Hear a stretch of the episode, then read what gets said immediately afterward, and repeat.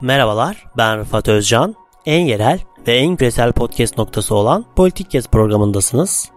Bu programda ülkemizde ve dünyada meydana gelen gelişmeleri, iletişim, sosyoloji ve siyaset gibi alanlar üzerinden konuklarımla birlikte geniş bir perspektifle ele alıyorum. Haydi başlayalım.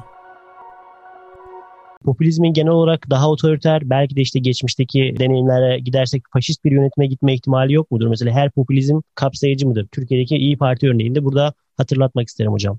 Tabii ki yani popülizm farklı şekillerde kategorize e, ediliyor popülist hareketler.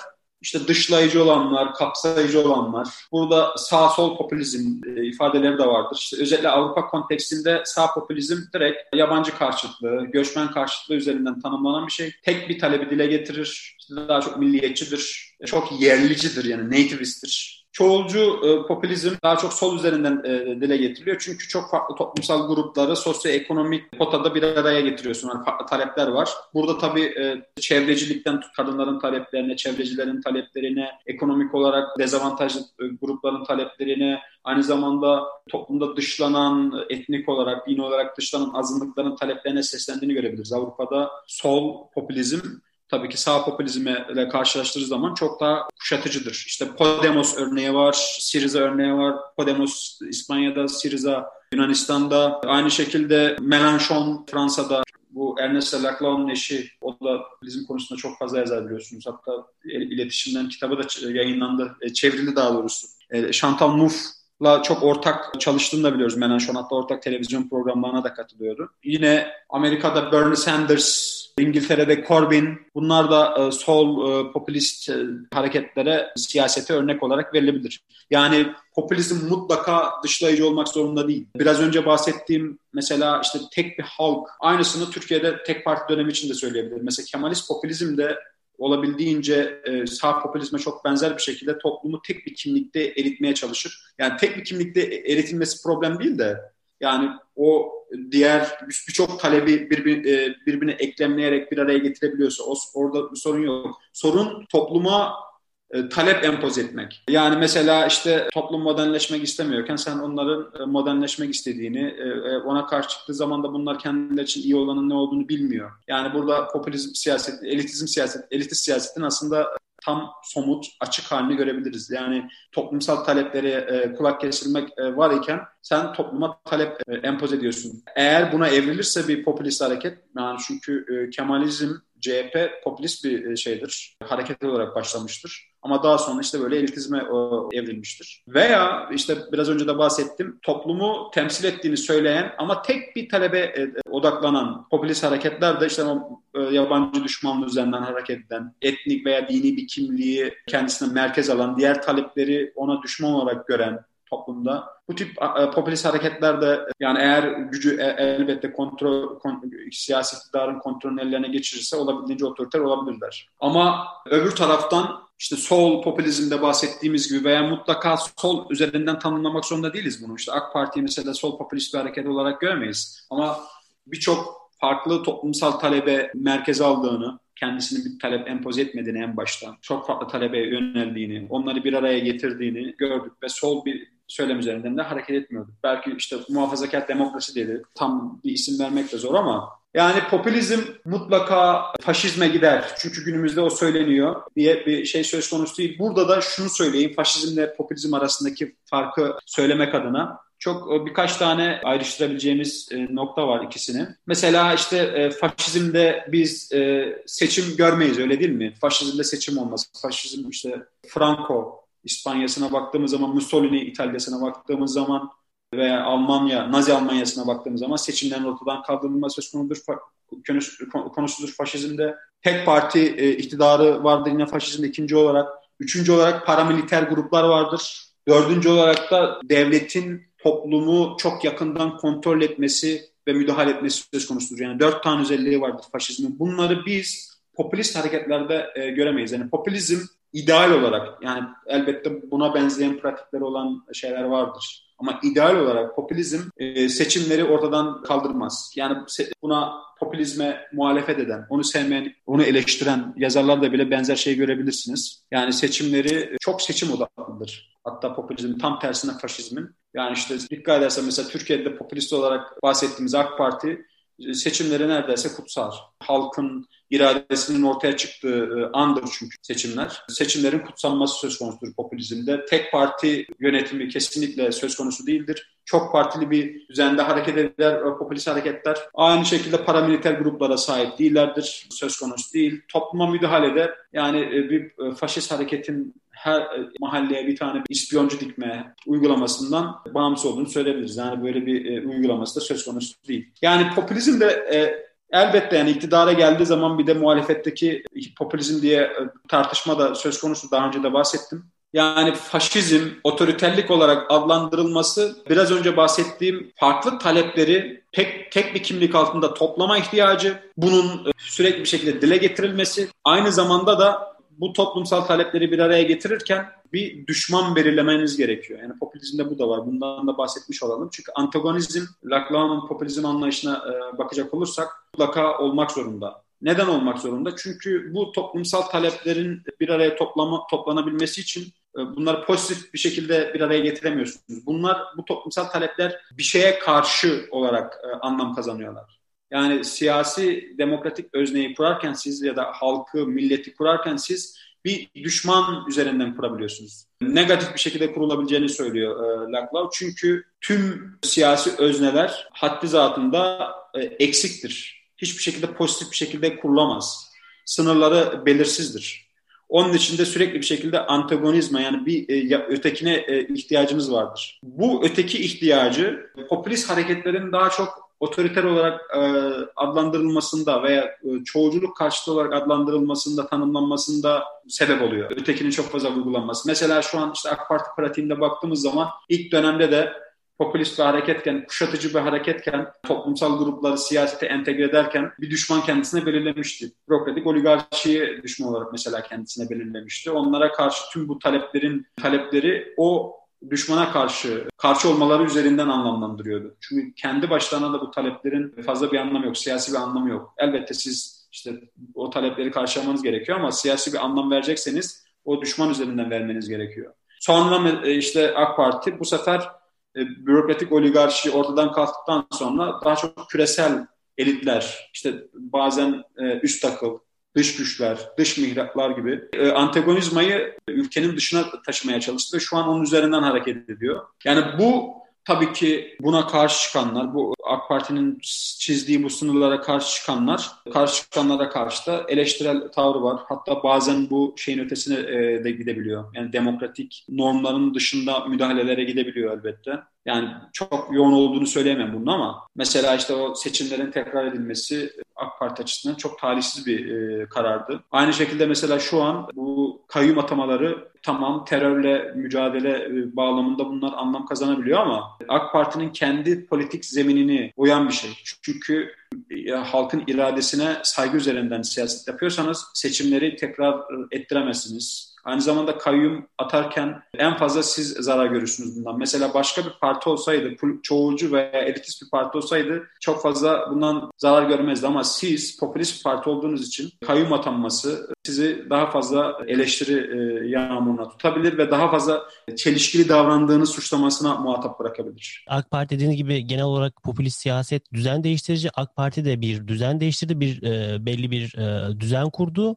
Yani burada da son döneminde doğru AK Parti'nin elitizme e, kaydığını söyleyebilir miyiz belli noktalarda? Siz iki örnek verdiniz aslında ama yani böyle bir e, gidişat görüyor musunuz? Yani elitizme kaydığını şöyle şu örneklerden e, çıkarabilir miyiz? Ondan çok emin değilim e, Rıfat. E, şöyle bir şey yok. Türkiye'de hani e, ben o makalede şundan bahsettim. Uzunca bir süre aslında siyaset, elitist siyaseti savunanlarla işte o bürokraside e, odaklanan ve onun siyasetteki temsilcileriyle beraber ona karşı popülizmi ön plana çıkaran bir şey oldu. Siyasi e, hareketlerin işte Demokrat Partisi'nden tut Adalet Partisi'ne, ANAP'a, işte İslamcı hareketler hatta sol e, Ecevit'i bile buraya koyabilirim e, AK Parti'ye. Onlar arasındaki mücadele oldu. Yani elitizmle daha çok popülizm arasındaki mücadele olarak geçti. Şimdi 2010'dan sonra bu elit elitler ortadan kalktığı için ortaya şöyle bir durum çıktı. Yani e, sizin artık eleştirebileceğiniz bir elit, elit yok, elit, elitler yok ve düşman bulmanız gerekiyor size. Bu sefer kimi bulacaksınız? Dış güçleri buluyorsunuz.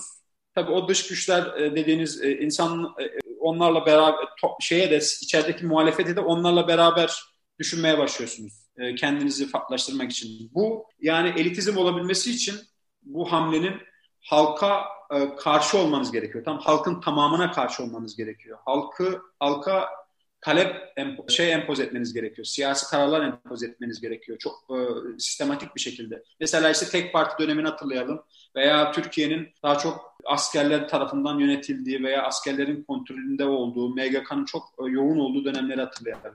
Şimdi bu, bunlarla e, günümüzdeki dönemi e, bir tutabileceğimizi pek düşünmüyorum ben. Yani günümüzde şu an siyaset iki tane popülist hareketin çünkü öbür tarafta da muhalefette de yani AK Parti'nin e, dışında bir e, büyük bir dönüşüm oldu. Yani elitist siyaseti bıraktı CHP. Zaman zaman çoğuculuk, çoğucu siyasete sapabiliyor ama esasında onlar da popülist bir şey blok oluşturmaya çalışıyorlar. İki tane popülist bloğun kapışmasını görüyoruz ve AK Parti e, hangisi halkın çıkarlarını daha fazla temsil ediyor? hangisi daha gerçek halk tanımını ortaya koyuyor?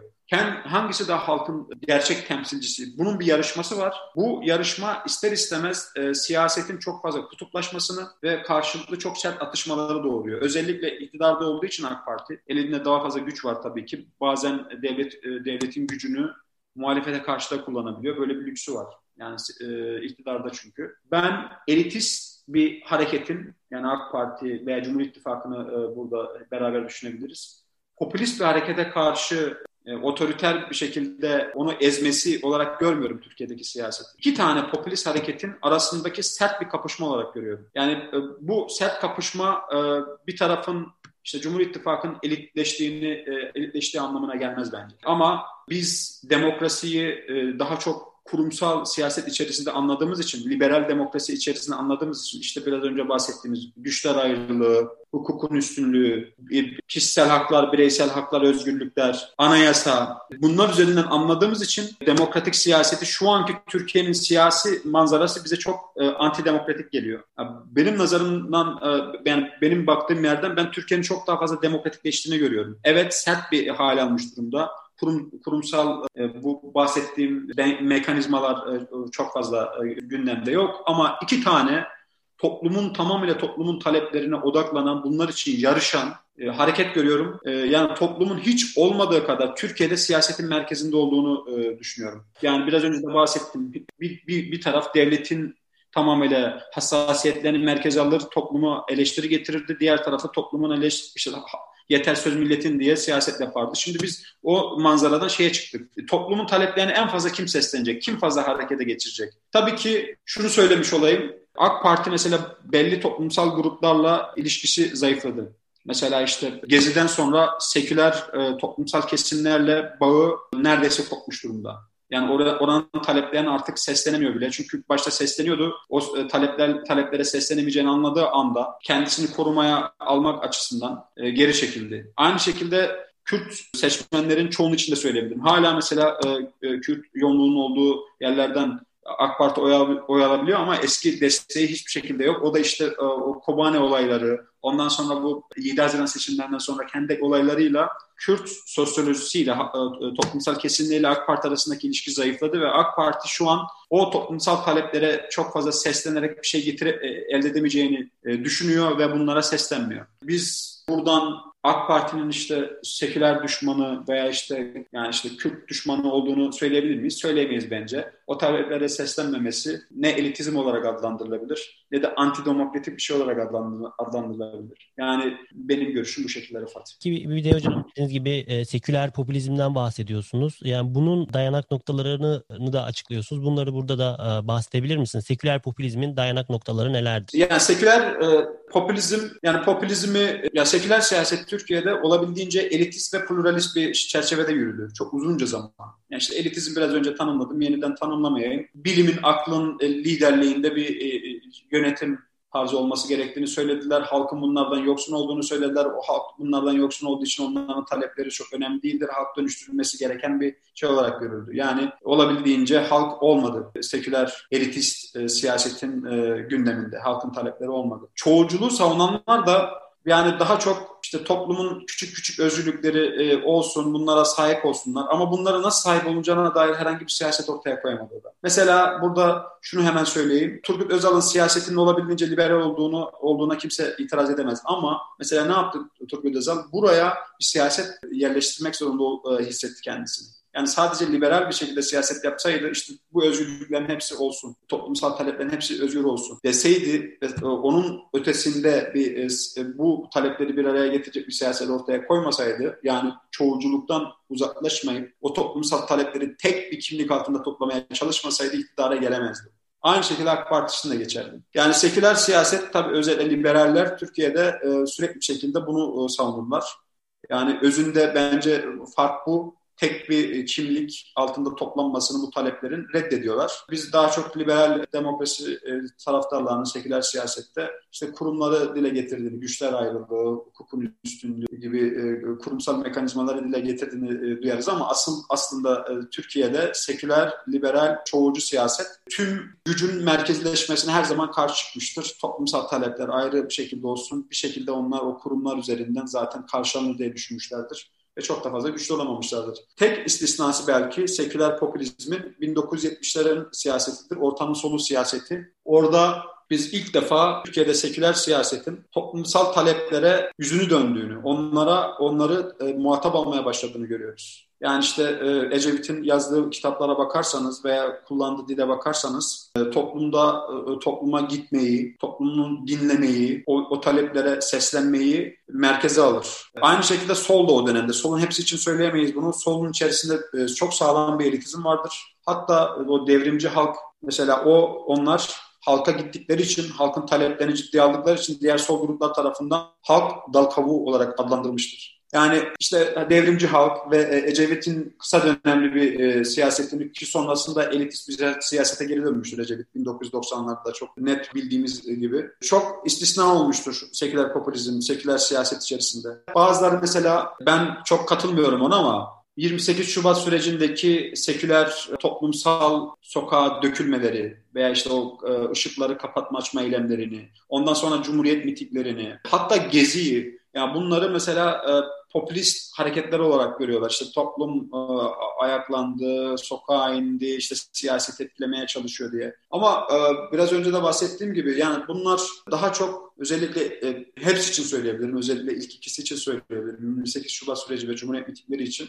Bunlar bence daha çok elitist şeylerdi. Yani elitist iktidarı kaybetmenin vermiş olduğu tepkisellikle ortaya çıkmış şeylerdi. Yani bunların popülist hareket şeyler olduğunu çok fazla söyleyemeyiz. Ve siyaset tarzı olduğunu söyleyemeyiz. Çünkü hepsinde özellikle ilk ikisinde toplumun e, çok önemli kesimlerine karşı onların taleplerini hiçe sayan, değersizleştiren, onları dışlayan bir dil kullanıldığını görüyoruz. Yani çok çok bunlara eğer popülist şey diyeceksek, hareketler olduğunu söyleyecek olursak biraz önce bahsettiğimiz o sağ popülist dışlayıcı e, bir popülizm türü olarak e, bahsedebiliriz. Gezi'den sonra daha doğrusu Türkiye'de e, elit olarak adlandırabileceğimiz kesimlerin iktidarı kaybetmesinden sonra ister istemez seküler siyaset yeni bir siyaset tarzı arayış içerisine girdi. Yani ne yapalım biz toplumun farklı kesimlerine gidelim, o to- toplumsal kesimleri bir araya getirelim ve buradan da bir siyasi iktidar bloğu oluşturalım AK Parti'ye karşı. Bunun peşinde oldular. Bu özellikle 15 Temmuz'dan sonra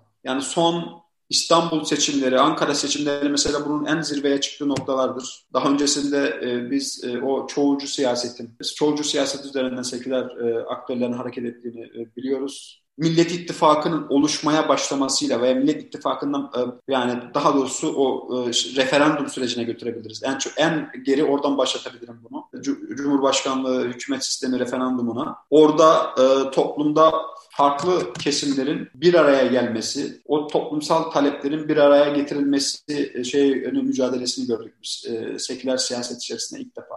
O toplumsal talepler meşru olarak kabul edildi. E, çok taleplerin hepsi bir araya getirilmeye çalışıldı. İşte hayır mesela. Seni başkan yaptırmayacağız. Mesela çok güçlü bir şeydi. Negatif bir siyasetti ama çünkü yaptırmamak üzerine kuruluydu, durdurmak üzerine kuruluydu. Bunun üzerinden bir bir araya geliş e, söz konusu oldu. Daha sonra mesela şey için aynısını söyleyebilirim bu İstanbul seçimlerine.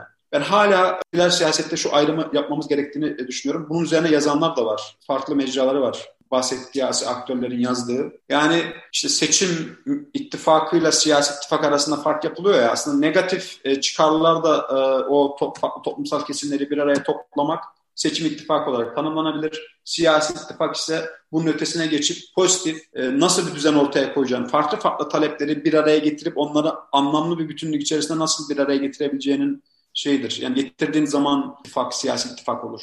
So, şeyde seküler siyasette hala mesela bu başarılabilmiş değil. Sadece negatif e, çıkarlar üzerinden, durdurmak üzerinden bir e, şey ortaya konuyor, popülist siyaset ortaya konuyor. Bunun da tabii kendi içerisinde zorlukları var. Lafı çok fazla uzatmayayım. Çünkü öyle talepler var ki bunların pozitif bir şekilde bir araya getirilmesi çok mümkün değil. Mesela işte HDP ile İyi Parti'nin seçmen tabanlarının talepleri birbiriyle çelişki içerisinde. Bunları mesela bir araya getiremiyorsunuz. Veya işte inandırıcılık problemi var. Sen CHP olarak şey gidiyorsun muhafazakarlara gidiyorsun diyorsun ki ben sizin taleplerinizi de e, yerine getireceğim.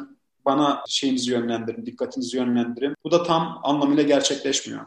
Yani Erdoğan'ın özellikle Erdoğan'ın e, kendi toplumsal tabanıyla kurmuş olduğu bağ e, çok güçlü ve bunu e, zayıflatma konusunda çok sıkıntısı var seküler siyasetin. Buradan da muhafazakar talepleri kendisine yönlendirmede başarılı olamıyor. İşte bunu şu an yeni partiler üzerinden, Deva ve Gelecek partiler üzerinden yapmaya çalışıyor. Burada da daha çok tabii ki muhafazakar kesimin belli e, küçük bir parçası daha e, söyleniyor ya işte şehirleşmiş, daha fazla eğitim düzeyi yüksek, daha fazla e, küresel e, dünyayla entegre olmak isteyen kesimler ama bunlar çok dar bir kesim. E, onlara seslenebiliyorlar ancak. Onların da tamamını kapsayabildiğini söylemek elbette zor.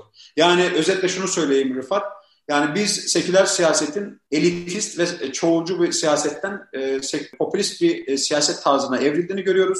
Ama bu evrilme en ideal, en olgun noktasına henüz ulaşabilmiş değil. Ulaşamamasının sebebi de toplumsal toplumsal taleplere sesleniyorlar ama bunları anlamlı bir siyaset etrafında bir araya getirme konusunda sıkıntıları var. Çünkü e, bir araya getirmeye çalıştığı toplumsal talepler birbiriyle çelişiyor. Mesela işte son cümle olarak kullanayım. HDP seçmeniyle İyi Parti'nin seçmenini hatta e, Deva ve Gelecek Partisi'nin seçmeni bunların hepsini tek bir pozitif siyasette nasıl bir araya getirebilirsiniz? Yani sadece negatif Erdoğan gitsin, işte AK Parti gitsin, işte veya otoriter, bunlar otoriter, bunlar faşist. Çünkü bu bunlar siyaset değil. Nasıl bir araya getirebiliriz? Mesela AK Parti ne yaptı? İster istemez kuşatıcılığı biraz azaldı. Biraz önce de bahsettim zamanla Gezi ve e, Kobane ve Hendek olaylarından sonra artık Kürt taleplerini çok fazla e, e kendisine bağlamak gibi bir derdi yok. Aynı zamanda seküler e, tarafa da e, e, çok fazla seslenemiyor. Sadece darbe kesimine seslenebiliyor.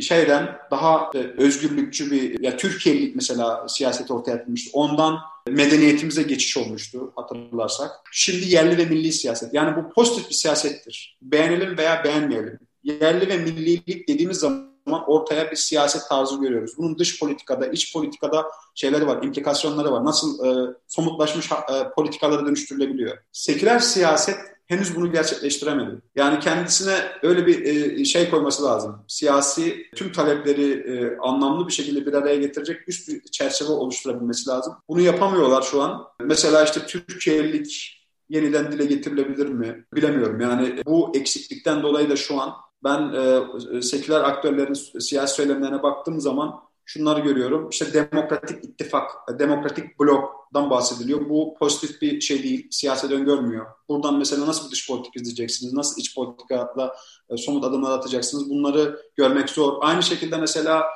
pozitif siyaset oluşturmanın eksikliği, rast, güçlendirilmiş parlamenter sistem üzerinden e, tüm şeyleri, aktörleri bir araya getirme şeyi var. Bu da bir pozitif siyaset önermiyor pozitif siyaset üretememenin boşluğunu bu söylemlerle doldurmaya çalışıyor şu an e, muhalefet. Özellikle Millet İttifakı'nın bileşenleri diye, e, diye de e, tabii adlandırabiliriz. Yani ortada böyle bir e, durum söz konusu. Yani seküler siyaset Türkiye'de popülist bir şey ortaya koymaya çalışıyor siyaset ama bunu henüz e, istediği düzeye getirebilmiş değil. Getirdiği zaman zaten bence Türkiye'de Cumhur İttifakı'nı alt edebilecek ve alt ettikten sonra da ülkeyi yönetebilecek bir konuma yükselebilir. Genel olarak muhafazakar popülizmden bahsettik zaten AK Parti'nin ilk döneminden. Hatta e, e, makalede refahın da e, bir popülist siyaset ama tek bir şey talebe, tek bir talebe aynen evet. karşılık olduğunu e, söylüyorsunuz.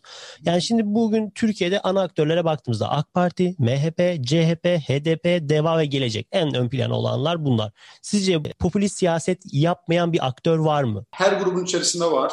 Mesela işte Millet İttifakı'nın içerisinde, Cum Cumhur İttifakı'nın içerisinde bundan mesela artık bu e, partilerden tek tek bahsetmenin de çok fazla bir anlamı kalmadı. Yani iki tane blok olduğu için. Ama bunların içerisinde çoğulculuğu e, dile getirenler var ve bunlar kısmen özellikle e, e, şey içerisinde Cumhur İttifakı içerisinde dışlanıyorlar. Dışlanınca da zaten şey kurmaya başladılar. Kendi partilerini kurmaya başladılar. E, şeyde ise Millet İttifakı içerisinde de çoğulculuğu dile getirenler var. Mesela işte ben daha çok sol liberallerin yetmez ama evetçilerin mesela onlar normalde şeyle beraber hareket ediyorlar şu an Millet İttifakı ile ama ara ara bunlara bir salvo geliyor. Sen de görüyorsundur. Yani dinleyiciler de bunu görüyordur işte e, şeyin de Millet İttifakı'nın da aslında e, Cumhur İttifakı'ndan farklı olmayacak şekilde. Çünkü bir üst kimlik ortaya koyma şeyi var ya bir dışlama söz konusu söz konusu ya. Ondan dolayı çoğulcu siyasete ters olduğu için bu bir karşı çıkış söz konusu. Küçük küçük gruplar kaldı. Yani e, küçük, yani tek bir parti mesela bu partilerden herhangi birisinin çoğulcu siyaset yaptığını söyleyemem. En fazla şunu söyleyebilirim. Ali Babacan'ın partisi en fazla e, çoğulcu e, dili kullanan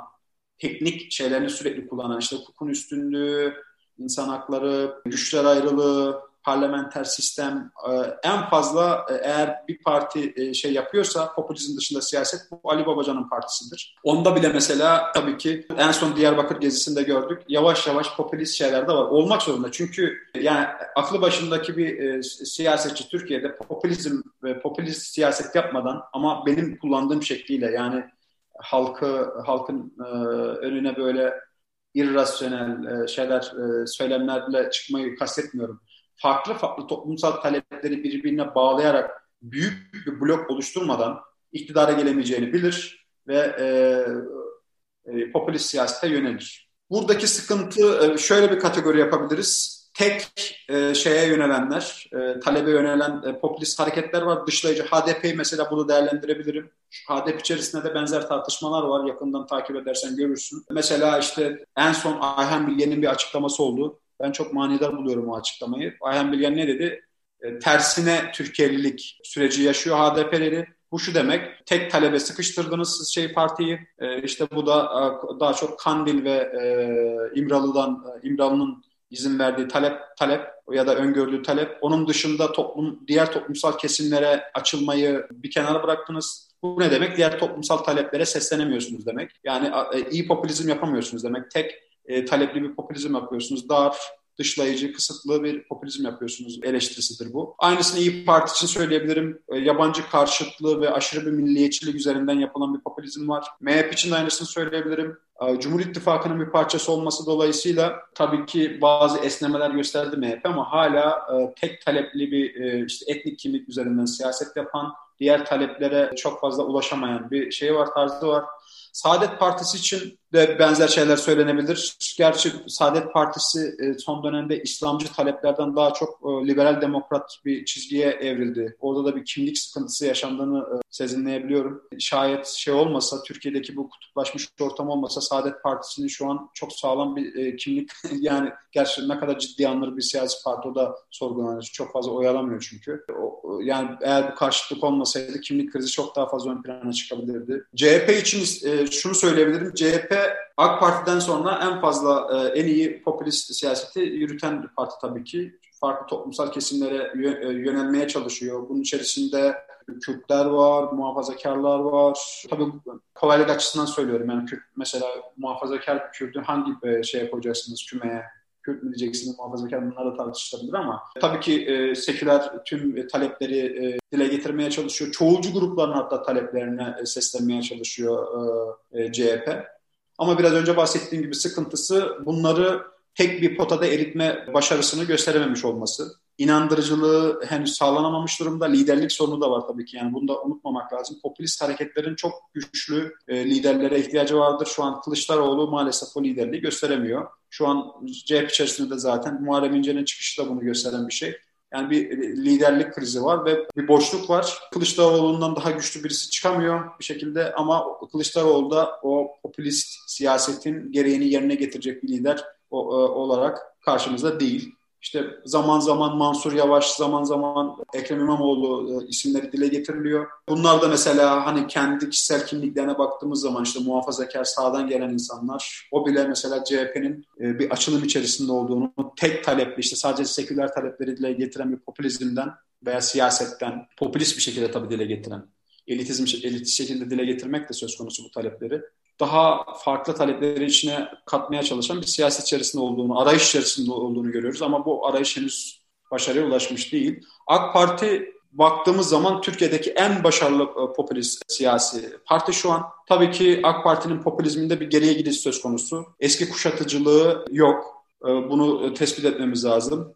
Daha önce seslendiği taleplerin bir kısmını artık seslenemiyor. Yani AK Parti'nin şu söylenebiliyor bazen. İşte iktidara geldi, toplumun belli kesimlerini unuttu. Ben buna katılmıyorum. Bu süreçte e, karşılıklı etkileşimle ortaya çıkan bir şey. Mesela işte Kürt, Kürt sorunu konusunda veya işte o minvalde konuşacak olursak AK Parti belli e, taleplerini yerine getirdi şeyin, e, Kürt seçmenlerin. Onun bazı talepler var ki bu talepleri mesela e, AK Parti en başta da dile e, şey, karşılayamayabilirdi. Mesela işte ana dilde eğitim, e, dile getirme yani e, sebebi konusunda ben bir şey söyleyecek e, durumda değilim yani niye getiremiyor. E, bunu bu kararı alanlar tabii ki açıklamak zorunda. Veya işte daha e, yerel yönetimlerin güçlendirilmesi, özellik gibi mesela bu tip talepler de e, söz konusu. Bunların mesela en başta Kürt sorunu işte 2005'te Tayyip Erdoğan gitti Diyarbakır'da konuşma yaptı. Zaman, o zaman şayet şey olsaydı bu talepler dile getirmiş olsaydı o zaman da mesela AK Parti yine Kürt taleplerine yani Kürt seçmenin önemli bir kesiminin taleplerini yerine getirememiş olurdu. Yani seslenemezdi o zaman da. Daha o zaman daha minimal e, talepler söz konusuydu. E, yani öyle ki değil mi? Kürt ki, e, varlığı tanınmıyordu yani. E, Kürt varlığını tanımak, yani Kürt ifadesini kullanmak dahi o taleplere seslenmek anlamına geliyordu. AK Parti bunlar e, belli talepleri yerine getirdi Kürt seçmenin ama belli bir noktadan sonraki talepler dile geldiği zaman burada durmak zorunda kaldı. Çünkü e, e bu sefer kendi e, toplumsal kesim içerisindeki yani bir bütünlük oluşturulması zor olurdu. Kendi toplumsal e, kesimleri eğer işte bu ana dilde eğitim, özellik gibi bu taleplere e, yerine getirmeye başlasaydı bu sefer diğer taleplerine seslendiği diğer toplumsal kesimleri, işte milliyetçi, muhafazakar kesimleri e, rahatsız etmiş, kendisinden koparmış olurdu. Yani AK Parti'nin popülizmi zayıfladı. Hala en güçlü popülist, en kuşatıcı popülist e, hareket ama bu süreçlerden dolayı popülizmi gerilemiş durumda. Benzer so- sorunlardan dolayı da zaten biraz önce bahsettim. CHP mesela işte HDP ile İyi Parti'yi bir araya getiremiyor. Şu an sadece mesela Kürt varlığını tanımak, HDP ile İyi Parti'yi bir araya getirmeye yetseydi e, bunu çok rahat bir şekilde yapabilirdi e, CHP ve hiç e, çekinmeden bu bu üç partinin bir arada olduğunu rahatça daha rahat bir şekilde vurgulayabilir. Ama şu an HDP'nin HDP ve işte HDP çizgisinde taban HDP'nin seçmen tabanının talepleri ile İyi Parti tabanının taleplerini bir araya getirmek imkansız. Yani AK Parti'nin aslında popülizmini zayıflatan nokta seküler popülizmin genişlemesini engelleyen noktayla aynı. Yani öyle bir e, konjektürdeyiz şu an. Ve özetle şunu söylemiş olayım Fat. Yani ben e, çok daha küçük e, grupların e, pluralist siyaset yaptığını görüyorum. Daha çok e, popülizmin e, Türkiye'de şu an tüm siyasi partiler tarafından şu ya da bu şekilde e, popülist siyasete yöneldiğini görüyorum. Tek e, talepli partiler var çok talebe bir araya getirmeye çalışan partiler var. Bunlardan bunu başaranlar var. İşte AK Parti gibi bir, bir noktaya kadar veya bunu tam olarak başaramayanlar var.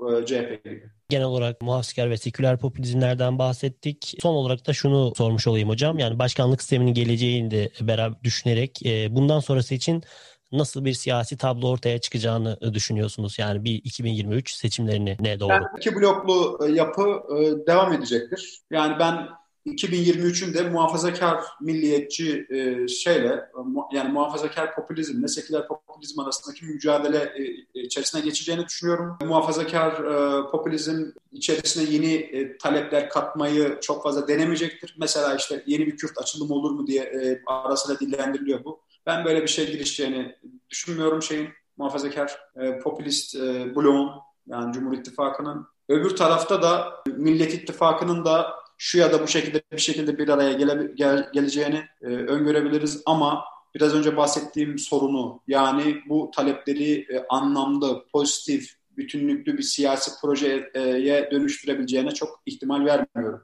Yani 2023'e e, Millet İttifakı Erdoğan'ı indirmek, parlamenter e, düzene geri dönmek, yani sistemi geri çevirmek gibi negatif e, şeylerle gidecektir, söylemlerle gidecektir. Pozitif söylem bulması e, çok zor, imkansız neredeyse. AK Parti, MHP bloğunun da aynı şekilde devam edeceğini, yani seçimlere gireceğini düşünüyorum.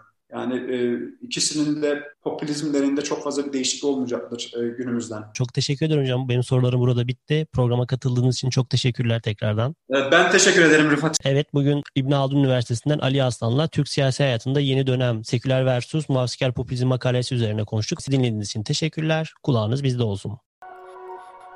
En yerel ve en küresel podcast programı Politik Kesti dinlediniz.